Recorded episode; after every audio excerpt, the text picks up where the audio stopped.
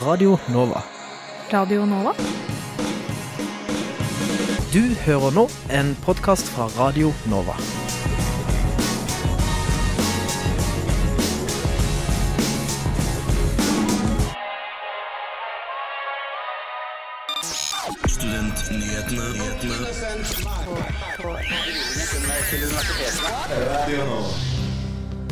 Hjertelig velkommen til Studentnyhetene på denne grå fredagen ved Inger Jakob Feiring. Og Magnus Tune. Og i dag skal vi ta for oss disse sakene. Er det greit å reklamere for kosmetiske inngrep? Vi har spurt bl.a. AUF-leder Mani Hussain. Og det har stormet i den politiske klimaet i Norge etter at Sylvi Listhaug gikk av som justisminister etter å ha mistet tilliten fra Stortinget. Vi spør studentene hva de tenker. Og hva er egentlig gonoré? Jeg har alltid fått for meg at det er sånn overflod. Eller noe sånt. Jeg vet ikke. Ja, at det, liksom, det, det tyter ting ut av alle hull.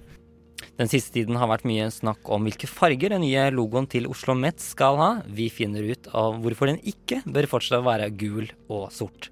Årets Gull-Barbie er blitt delt ut av press, og vi har snakka med de om utdelingen. Men aller først er det klart for ukas nyhetsoppdatering.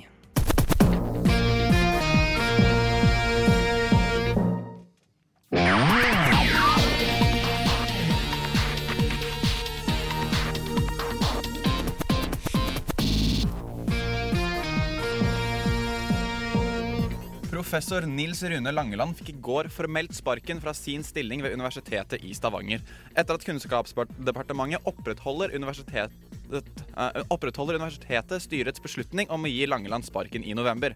Han ble avskjediget pga. bl.a. å ha grovt krenket sine tjenesteplikter.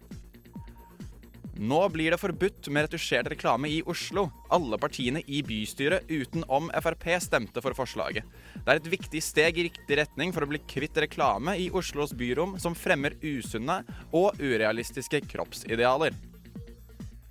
Etter mye frem og tilbake har Stortinget bestemt seg for å tilslutte seg EU sin tredje energimarkedspakke, også kjent som ACER. Partier som KrF, SV og Senterpartiet ville utsette avstemningen, men fikk ikke medhold, og Stortinget, som til slutt stemte ja uh, Medhold i Stortinget, som til slutt stemte ja på å tilslutte seg pakken som ble presentert i 2009. Forrige helg ble det kjent at selskapet Cambridge Analytica, som bl.a. var med på å støtte Trump under presidentvalget i USA, har samlet inn privat informasjon fra over 50 millioner Facebook-brukere uten deres samtykke. Informasjonen skal ha blitt brukt til å lage algoritmer som kan målrette politisk reklame mot amerikanske velgere. Uh, det var ukas nyhetsoppdatering. Mitt navn er Magnus Tune. Vi skal straks høre om, det, om det er greit å, å, reklamere for kosmetiske inngrep, men aller først så får du Maximilian Pro med Alliance. Det var Maximilian Pro med Alliance her på Radio Nova. Og én av ti unge vil fikse på kroppen sin, ifølge en undersøkelse av Norstat. De siste dagene har kroppspress og påvirkningskraften bloggere og såkalte influensere har, skapt, har det skapt debatt. Er det greit å reklamere for kosmetiske inngrep? Og nå har flere influensere bedt politikerne om å ta opp debatten. Vi har snakket med makeupartist og influenser Ragnhild M. Andersen og AUF-leder Mani Hussani. Jeg er jo veldig opptatt av den normaliseringen av plastisk kirurgi som vi har vært vitne til nå de tre siste årene. Det er blitt så enkelt, og det er det jeg syns er så synd. At det ikke lenger er akseptabelt i vårt samfunn å se helt normal ut. Det var Kristin Gjelsvik som var en del av NRK-debatten på kvinnedagen. Hun vil ha et forbud mot innlegg som omhandler kosmetiske inngrep. For én av ti unge i dag vil fikse på kroppen sin, ifølge en undersøkelse av Norstat. Hun og andre såkalte influensere ber nå politikerne om å melde seg på debatten. Så jeg syns egentlig det er veldig merkelig at det er lov til å dele eh, altså da, rabattkoder på Resilane, Botox.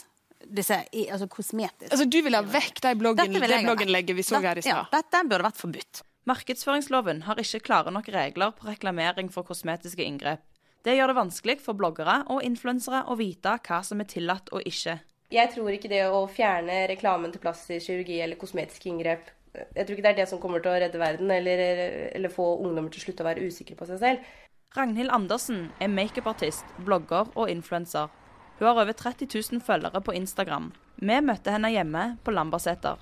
Så her sitter jeg med lysene mine fra Skatusj som bare wow.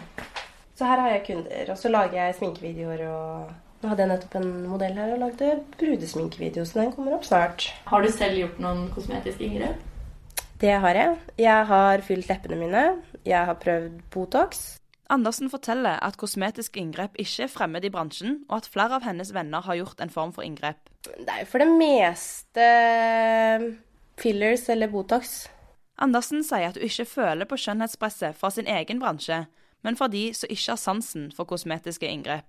Hvis du tror at livet ditt blir enklere når du tar kosmetiske inngrep i et land som Norge, så tar du veldig feil. For du må forsvare deg til alle. Du må ta imot mye drittslenging, og kanskje til og med stå opp imot din egen familie. For siden dette ikke er akseptert i større deler av samfunnet, så blir du en litt sånn vulgær person som ikke vet hva som er best for deg selv. Og mange tar seg friheten til å psykoanalysere livet ditt.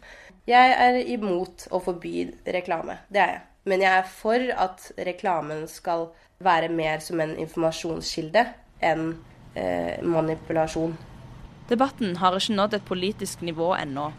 Arbeiderpartiet skal fremme saken i et gruppemøte denne uka, mens Frp har ikke tatt stilling til saken. Men de som har tatt opp temaet derimot, er AUF. Jeg mener vi skal sette ytringsfriheten høyt. Altså, Man skal ikke bestemme hva folk skriver og ikke skriver. Leder for AUF, Mani Hussaini, er klar i sin tale om hva partiet mener om kosmetiske inngrep. For oss er det et mål at uh, plastisk kirurgi og plastiske inngrep ikke skal bli normalen i Norge blant unge mennesker. Så vi, vi diskuterer mange ulike forslag nå, uh, og forhåpentligvis skal uh, lande det på vårt landsmøte i oktober. Hussaini mener at klar merking av innlegg som handler om kosmetiske inngrep, er et nødvendig steg å ta. Vi må gjøre noe med dette her. Da er det delt ansvar, mener jeg på de som eh, promoterer dette her, eh, på de som lager regelverket for dette her.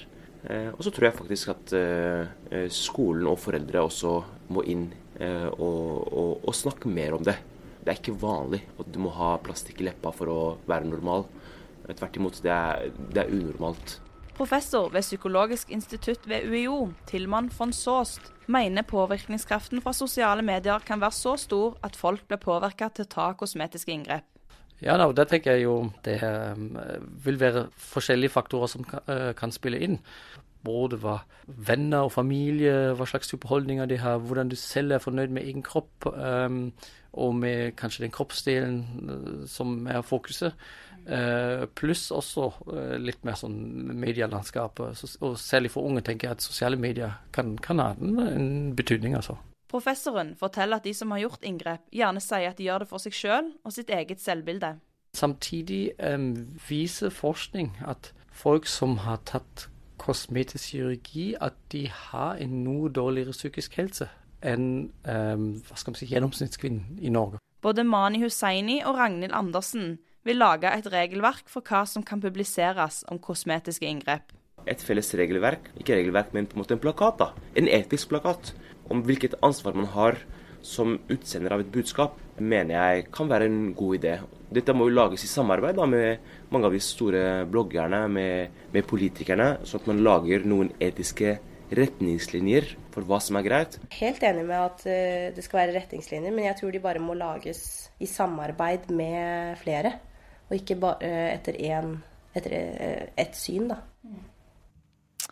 Siste ord der var fra makeupartist Ragnhild M. Andersen. Det var vår reporter i saken Sonja Haraldsen som laget den saken, og straks skal vi ta for oss en kjønnssykdom som du kanskje har uten å vite det, men nå blir det brenn med Juli. De siste årene har tilfeller av gonoré økt drastisk. Tallene med, har økt med hele 28% i 2017. Det viser en fersk rapport fra Folkehelseinstituttet. Og med oss eh, på telefon så har vi Kine Lynum, lege og leder ved legetjenesten ved Tilsio helse. Velkommen. Takk, takk. Takk for det. Ja, Du skal gi oss eh, innsikt i hva denne sykdommen er, men aller først skal vi høre hva studentene på Blindern egentlig tenker om kjønnssykdommer.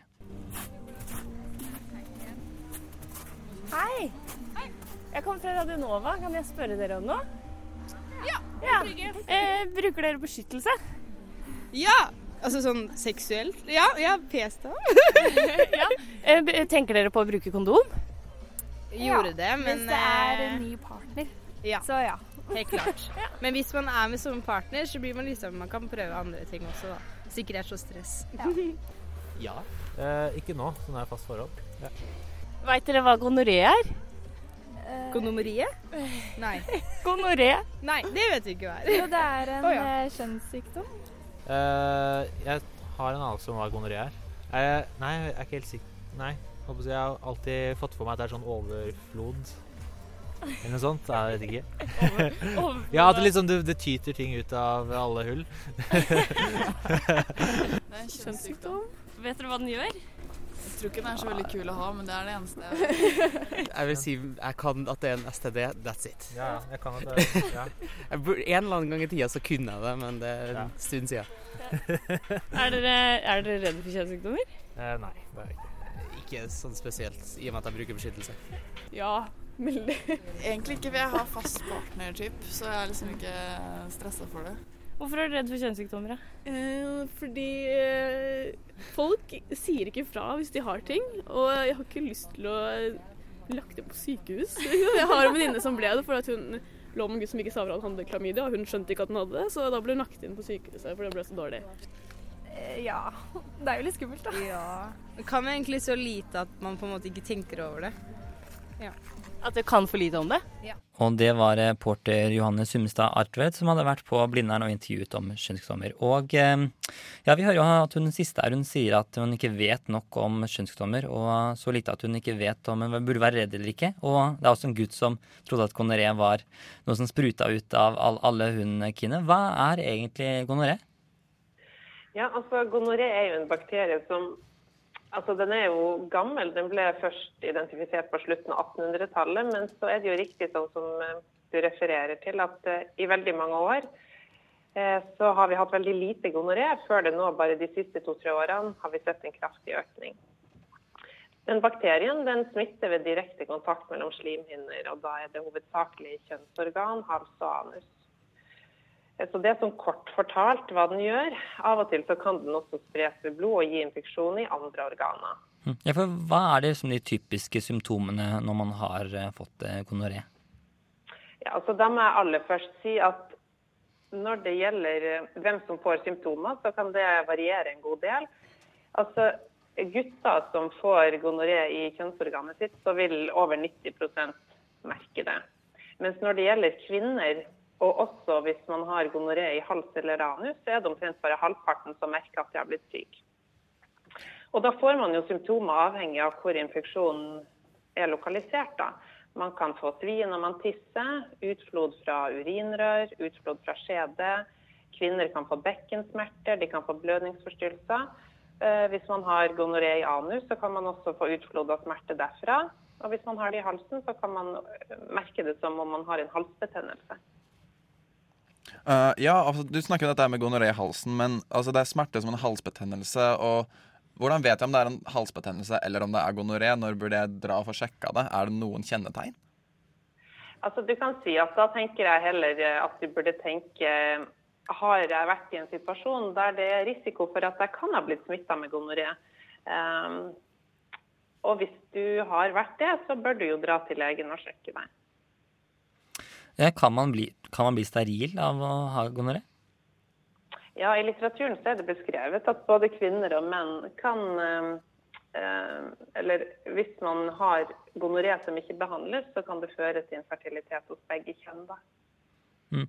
Ja, vi hører også at det er, er jo veldig mange som ikke er helt sikre på hva akkurat eh, gonoré er. og Hvorfor er ikke denne sykdommen like kjent som f.eks. klamydia eller, eller herpes? Ja, altså hvis vi ser litt tilbake i tid, så har jo den sykdommen her vært veldig kjent i Norge. På midten av 70-tallet så hadde omtrent 15 000 nordmenn gonoré. Eh, Sånn at da var den veldig kjent. Men så ble vi veldig gode på diagnostikk og behandling og smitteoppsporing, som førte til at utover på 80-tallet så utrydda man jo nesten gonoré. Og så har vi hatt en sånn situasjon over mange år. Og det første nå de siste to-tre årene at den på en måte har begynt virkelig å komme tilbake. Så jeg tror kanskje at er derfor den er litt ukjent, at man ikke så ofte tenker over det. Og det gjelder jo både eh, pasienter og kanskje også litt helsepersonell. Mm. Det er sånn- det er jo en rapport fra Folkehelseinstituttet nå som sier at gonoré har økt enormt eh, i 2013. Og hvorfor har det, tror du det har økt så mye de siste, siste årene?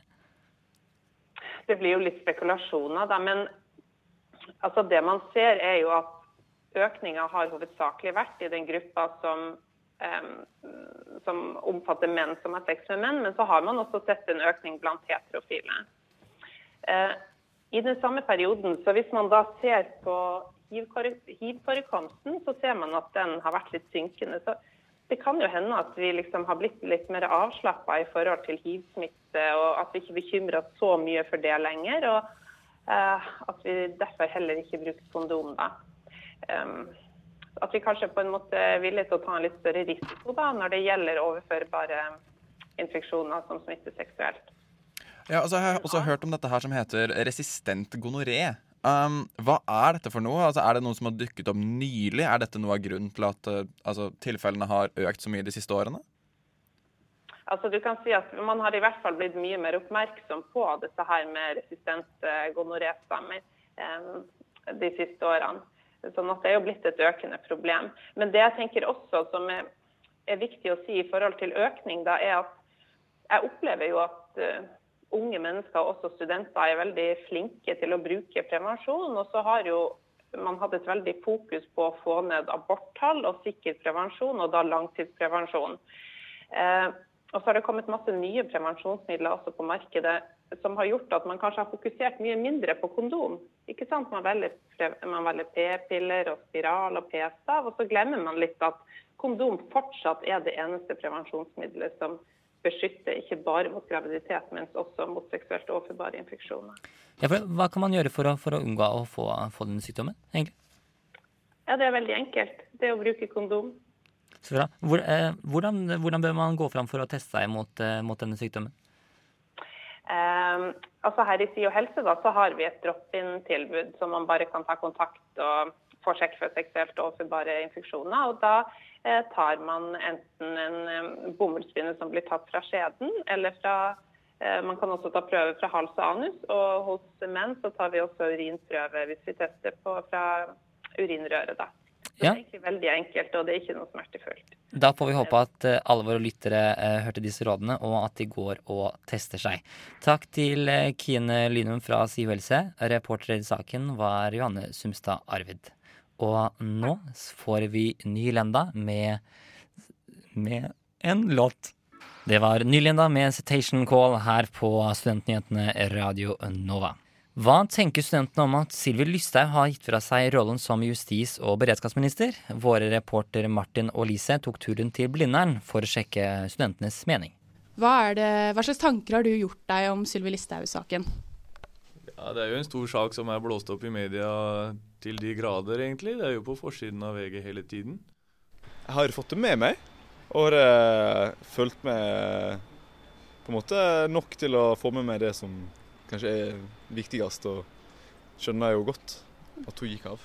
Syns du, syns du at eh, reaksjonene hennes har, eh, har vært gode? De har jeg kanskje ikke følt like masse med på, det, men sånn som jeg kanskje har forstått det, at hun eh, ikke virka så veldig eh, Hun hadde ikke så mye skyldfølelse som hun kanskje burde hatt. liksom. At det var unødvendig. At det, at det eskalerte unødvendig. Hvorfor syns du det var unødvendig? Nei, som eh, voksne, tenkende mennesker så kunne de altså ulike partene, sett eh, Skal vi si eh, Konsekvensene av alt det der eh, tidligere. Eh, Jeg tenker at eh, det er en sak som har tiltrukket seg veldig mye oppmerksomhet. Og at eh, det er bra at hun velger å trekke seg. Ja.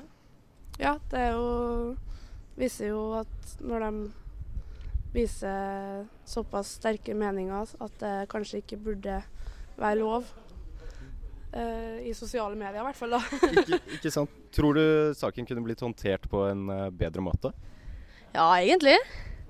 Uh, det kanskje jeg ikke kunne tenkt, Det hadde kanskje ikke trengt å gått så Eller vært så mye offentlig oppmerksomhet rundt det. På at de kunne tatt det litt mer internt, kanskje.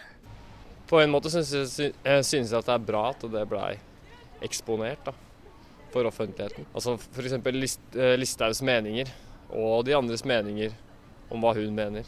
At det kommer fram, så offentligheten kan ta del i det. Det kommer inn debatt. Eh, det syns jeg egentlig er bra. Så ja, det kunne blitt eh, tatt internt, og så kunne det gått sin gang. Men eh, det er bra at det kommer til overflaten nå. Syns du det er greit at det her kom fram i media, at ikke det her ble en intern sak i Stortinget? Ja, det syns jeg er godt. At det er transparent, og at vi får vite om de her litt interne konfliktene. Det syns jeg vi kan få vite. Nå har hun gått av som justisminister, men hun skal jo fortsatt fungere som en vanlig stortingspolitiker. da. Hvordan eh, tenker dere at hun kommer til å fungere der? Nei, jeg ser jo for meg at hun kommer til å fortsette å ytre meningene sine, selv om, eh, selv om hun ikke har en ministerstilling. Så hun, vi får nok høre mer fra hun. Ja, det, det, det sa hun jo selv òg, at ja. det er ikke det siste vi hører fra hun. Hun kommer jo ikke til å gå stille i gangene, var det ikke det hun sa? Jeg eh, liker jo å tro Jeg håper jo at alle kan eh, liksom få en sjanse til å motbevise seg selv, men eh, jeg frykter nok at hun kanskje vil eh, fremme litt mer sin egen agenda. Uh, Syns du det var riktig av eh, Rødt og Bjørnar Moxnes å fremme mistillitsforslag mot Sylvi Listhaug? Ja, så absolutt. Ja, det syns jeg. Var på sin plass. Ja, det var kanskje ikke så vidt spenn av meningene der, eh, men det var kanskje ikke noe å forvente heller. Eh, tusen takk til reportere Elise Kubberød og Martin Mathisen Ødingen. Vi skal straks høre om eh, Oslos nye logo ikke bør være gul og svart, men nå får vi ra Raria med 1, 2, 3 år. Når eh, Hioa eh, offisielt blir til Oslo Met til høsten, skal det også komme en helt ny logo. Denne har det vært også mye prat om siste tiden, da det har vært uenigheter om hvilken farger den skal ha. Og Forskerforbundet er en av fagforeningene som er imot at logoen skal fortsette å være sort og gul. Slik Joha-logoen har vært de siste årene, etter at Høgskolen i Oslo og Akershus ble slått sammen eh, i 2011. Dette er eh, hva hovedtillitsvalgt i Forskerforbundet Erik Dagren hadde å si om hvorfor de ønsker seg andre farger til logoen. Vi sendte inn en, eh, en henvendelse til, til ledelsen på, på Oslo Met, hvor vi, vi bare ville bemerke det at farven gul har også en, en symbolverdi. Og den første henvendelsen kom egentlig fra helsefagmiljøet hos oss, hvor, hvor gult er synonymt med smitte. Og altså, Vi har full forståelse for at altså, gul og svart i kombinasjon gir en veldig god kontrast. Det er lett å lese og sånn, men, men så er det det med at merket for stråling, radioaktiv stråling, er jo gult og svart. Biohazard, altså biologiske våpen, den er gul og svart. Og toxic, eh, kjemiske våpen, er også gul og svart. Så det er liksom det er en sånn symbolverdi mer enn en bare liksom farvevalget. Det var kanskje ikke akkurat det som vi så for oss at, eh, at Oslo Met skulle være, eller bli assosiert med. Der hørte du hovedtillitsvalg i Forskerforbundet, Erik Dahlgren, og OsloMet de ville ikke stille til et intervju. Den ferdige logoen er ferdig i april, eh, så følg med saken. Nå får vi Sø Giller med Rubens sang her på Radio Nova. Det var Sø Giller med Rubens sang her på Studentnyhetene på Radio Nova. For noen uker siden marsjerte amerikanske studenter i Washington DC og protesterte for deres eget sikkerhet på campus, og for at skoleskytingen i USA må stoppes. Norsk studentorganisasjon støtter nå kampanjen for Mars Marsj for våre liv og andre tilsvarende eh, kampanjer. Og nå har vi med oss Anne Helene Bakke, som er nestleder i NSO. Velkommen til deg. Hei. eh, Du, hvorfor var det så viktig for dere å støtte denne, denne protesten? For oss er det utrolig viktig å støtte den protesten, fordi det handler om det at du skal føle deg trygg på campus. Og nå er det veldig mange som ikke gjør det. Eh, Det er jo kun tre uker siden sist gang det var skyting på campus. og Da var det universitetet, sentrale universitetet Michigan som ble rammet, hvor to studenter ble drept. Og Det handler jo rett og slett om det at det er ganske vanskelig å kunne få gjort det du ønsker akademisk sett, når man er redd for å kunne gå på campus og man frykter for sitt eget liv. Eh, Og Det er jo ikke det eneste stedet dette her skjer. men uh, Nå er det jo USA som er i vinden, da. Men det er jo flere steder selvfølgelig hvor det er skummelt å kunne gå på universiteter, bl.a. i konfliktområder osv. Ja, men vi ser at dette her hovedsakelig er et problem i USA og ikke så mye i Norge. Hvorfor involverer NSO seg? Eh, NSO eh, vi har eh, internasjonal politikk, og vi, er, vi har et prinsipp- prinsipprogram som sier det at retten til trygghet den er global. Så når studenter noe sted i verden blir angrepet, så tenker vi som så at altså, dette her er noe vi også skal kjempe for. da.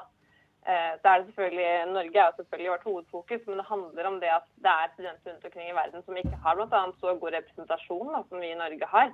Eh, og Det er også en sak vi kjemper for, men det er jo en helt annen ting. Men det er rett og slett det, da, at altså, retten til det å kunne altså, Det er en global kamp, det å kunne drive med akademia. Altså, Det er et globalt fellesskap. så Da trenger man på en måte å stå sammen. Mm. Ja, for, hva, eh, kan dette også skje i Norge? Ja, det håper vi selvfølgelig ikke skjer. Men eh, det er jo aldri Det er jo umulig å vite. Eh, det er jo akkurat det som er så vanskelig med det. Eh, det er eh, Altså, vi ønsker jo at campus skal være et våpenfritt sted hvor man faktisk drar for å, for å studere. Mm. Ja, for, har dere hatt stor interesse for dette, dette før, eller er dette noe på det som er i forbindelse med denne, med denne aksjonen i USA? Vi har ikke hatt så mye fokus på det før, men vi har tidligere gått ut og fordømt angrep mot et kenyansk universitet. Så det er jo Det er jo ikke noe nytt. Det skjer fra tid til annen. Men det er noe med det at det skal ikke skje. Hva er det som er annerledes nå? Altså, du sier jo at dere ikke har tatt så stor interesse i det før. Dere har fordømt dette i Kenya. Men um, er det, er det denne her protesten uh, March for our life som har satt i gang en, uh, en motivasjon for dere å ta interesse i det, eller er det flere faktorer som spiller inn akkurat nå? Mm. Ja, det, kan, det er helt klart at den har skapt, skapt en del uh, interesse for saken. Uh, og det er jo selvfølgelig også litt sånn opp til hvert eneste altså arbeidsutvalg i NSO også, og på en måte sette fokus på hva de ønsker å fokusere på. Og for oss så har det vært spesielt viktig med læringsmiljø i år. Og det er jo altså det er også læringsmiljø. Det er ganske langt unna det læringsmiljøet vi i Norge har. Fordi i Norge så sliter med ting som f.eks. at det er dårlige Eh, altså det er dårlig luft på campus, vi har hatt metoo-kampanjer, og det er også fælt. Men her er det på en måte snakk om liv og død. da. Eh, det er en helt annen situasjon. Men det er fortsatt et fokusområde for NSO at studenter overalt i verden skal kunne føle seg trygge, og at man skal kunne fokusere på da, altså, det å studere, det å forske, det å undervise, og ikke det å på en måte frykte for at noe skal kunne skje. Eh, ja. Vi ønsker også å beskytte da, universiteter og høyskoler under eh, internasjonal lov, som på samme måte som sykehus har. Eh, og Det er noe som regjeringen faktisk har vært ganske gode på å fremme. Jeg skjønner. Um, dette her med at det er jo uh, Er det noen spesielt steder i USA hvor man er ekstra utsatt for disse typer angrep? I USA så er det nå flere stater hvor det er lov å ha, være såkalt skjult våpen. og Det er da bl.a. Arkansas, Colorado, Georgia, Idaho, Kansas, Mississippi, Ohio, Utah, Tennessee, Texas og Wisconsin. Uh, og det her trenden den øker, da, det med skjult våpen det er liksom, Tanken her er jo det at jo mer våpen man har, eh, jo enklere er det for på en måte, the good guy til å skyte the bad guy. Men problemet her er at forskningen er jo, sier det motsatte. Forskning fra Stanford sier det at dersom man har våpen, selv om det er skjult, så øker det faktisk volden generelt i samfunnet. Og Det er jo det vi da har lyst til å endre litt på. Da. Det er jo selvfølgelig kultur, dette her, og det tar lang tid å endre på, men vi må på en måte begynne et sted. Ja, da sier vi et takk til eh, Anne Rena Bakke for å bli siste ord for denne gang, nestleder i NSO. Vi skal straks eh, høre om Gull-Barbie, men aller først så får vi Softcore United med sjansespill her på Radio Nova. Det var Softcore United med sjansespill her på Radio Nova og Studentnyhetene.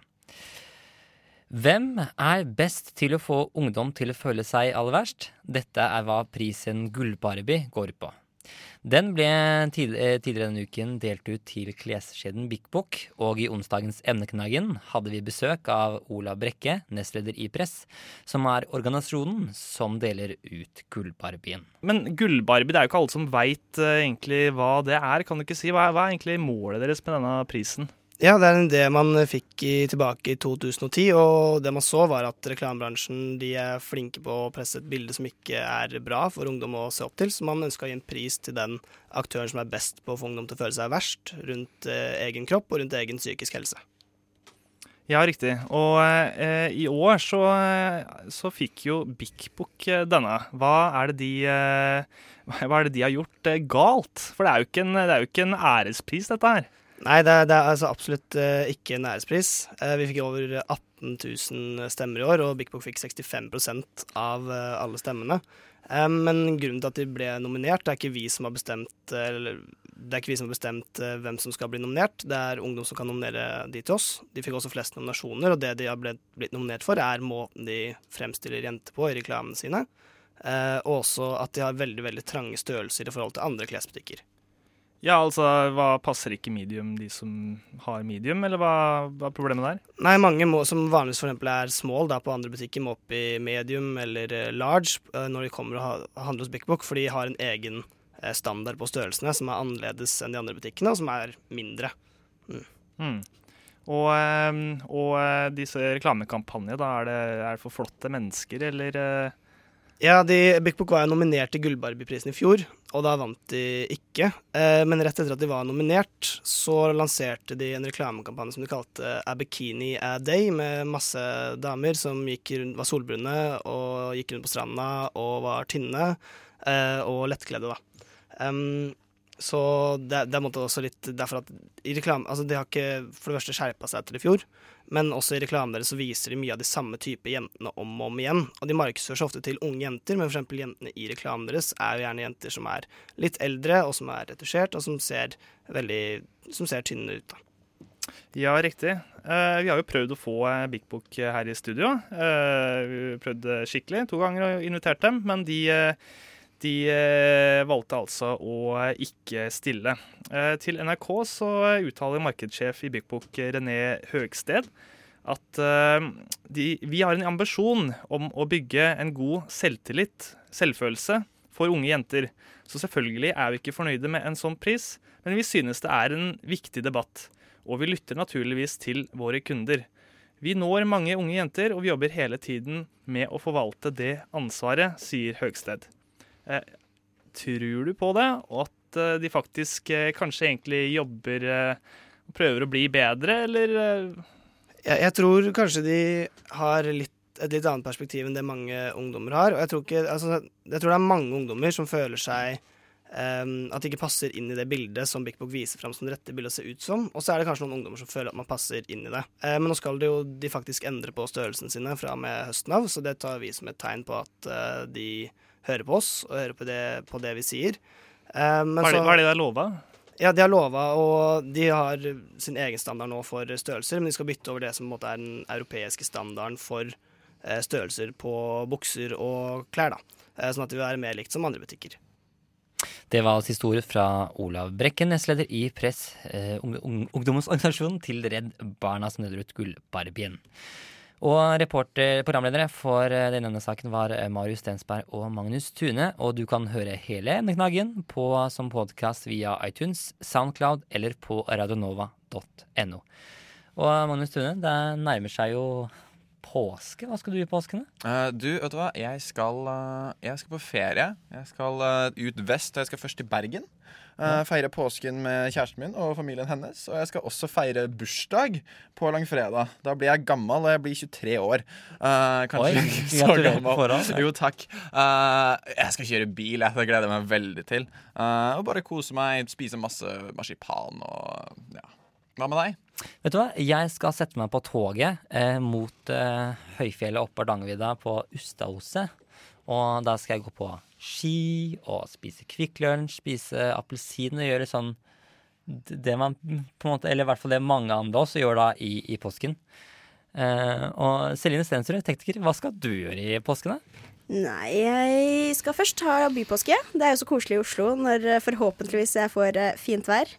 Eh, Så skal jeg jobbe. Skal på hytta, sånn som alle andre nordmenn gjør i påsken.